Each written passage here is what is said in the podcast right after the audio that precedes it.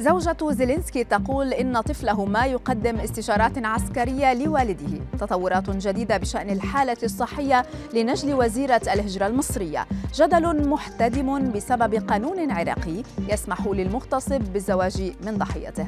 أبرز أخبار الساعات الأربع والعشرين الماضية في دقيقتين على العربية بودكاست.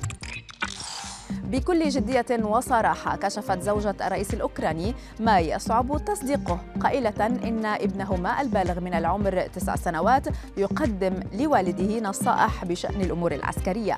وخلال مقابلة مع قناة أس بي أس التلفزيونية الأسترالية أوضحت سيدة أوكرانيا الأولى أولينا زيلينسكا أن ابنها كيريلو يذكر لوالده طراز الدبابات والطائرات والمروحيات التي تحتاج البلاد إلى شرائها وما الذي تفتقر إليه وما هي الدول التي تساعدهم بشكل سيء ومن هي الجيدة.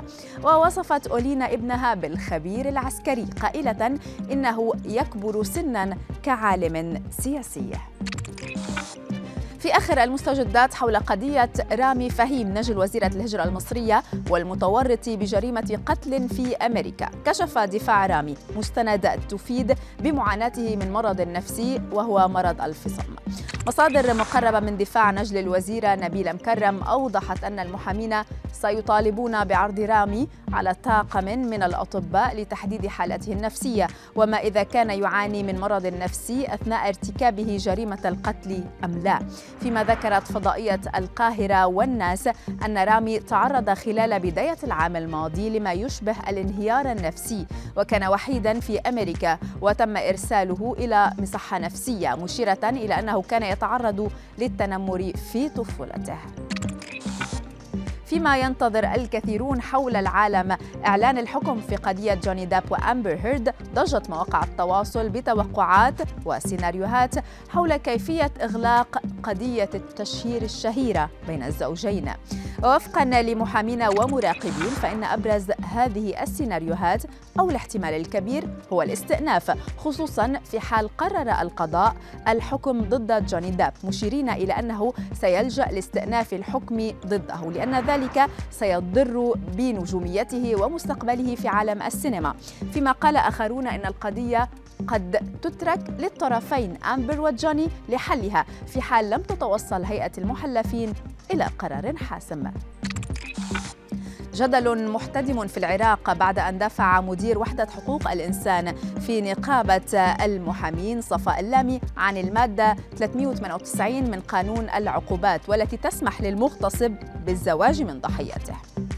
وفيما تواجه هذه المادة معارضة كبيرة في العراق أكد اللامي في مداخلة تلفزيونية أنه من دعاة النظرة الإيجابية بشأنها قائلا إن الضحية لا تستطيع العيش بدون مغتصبها لأنها لا تستطيع الزواج من شخص آخر خصوصا في مجتمع يهتم بالعادات والتقاليد على حد قوله فيما أطلقت عراقيات حملات عدة يطالبن فيها بإلغاء هذه المادة واعتبرن أن زواج المغتصب بضحيته مكافأة له خصوصا أن هذا البند يسقط العقاب عنه حال زواجه من الضحية.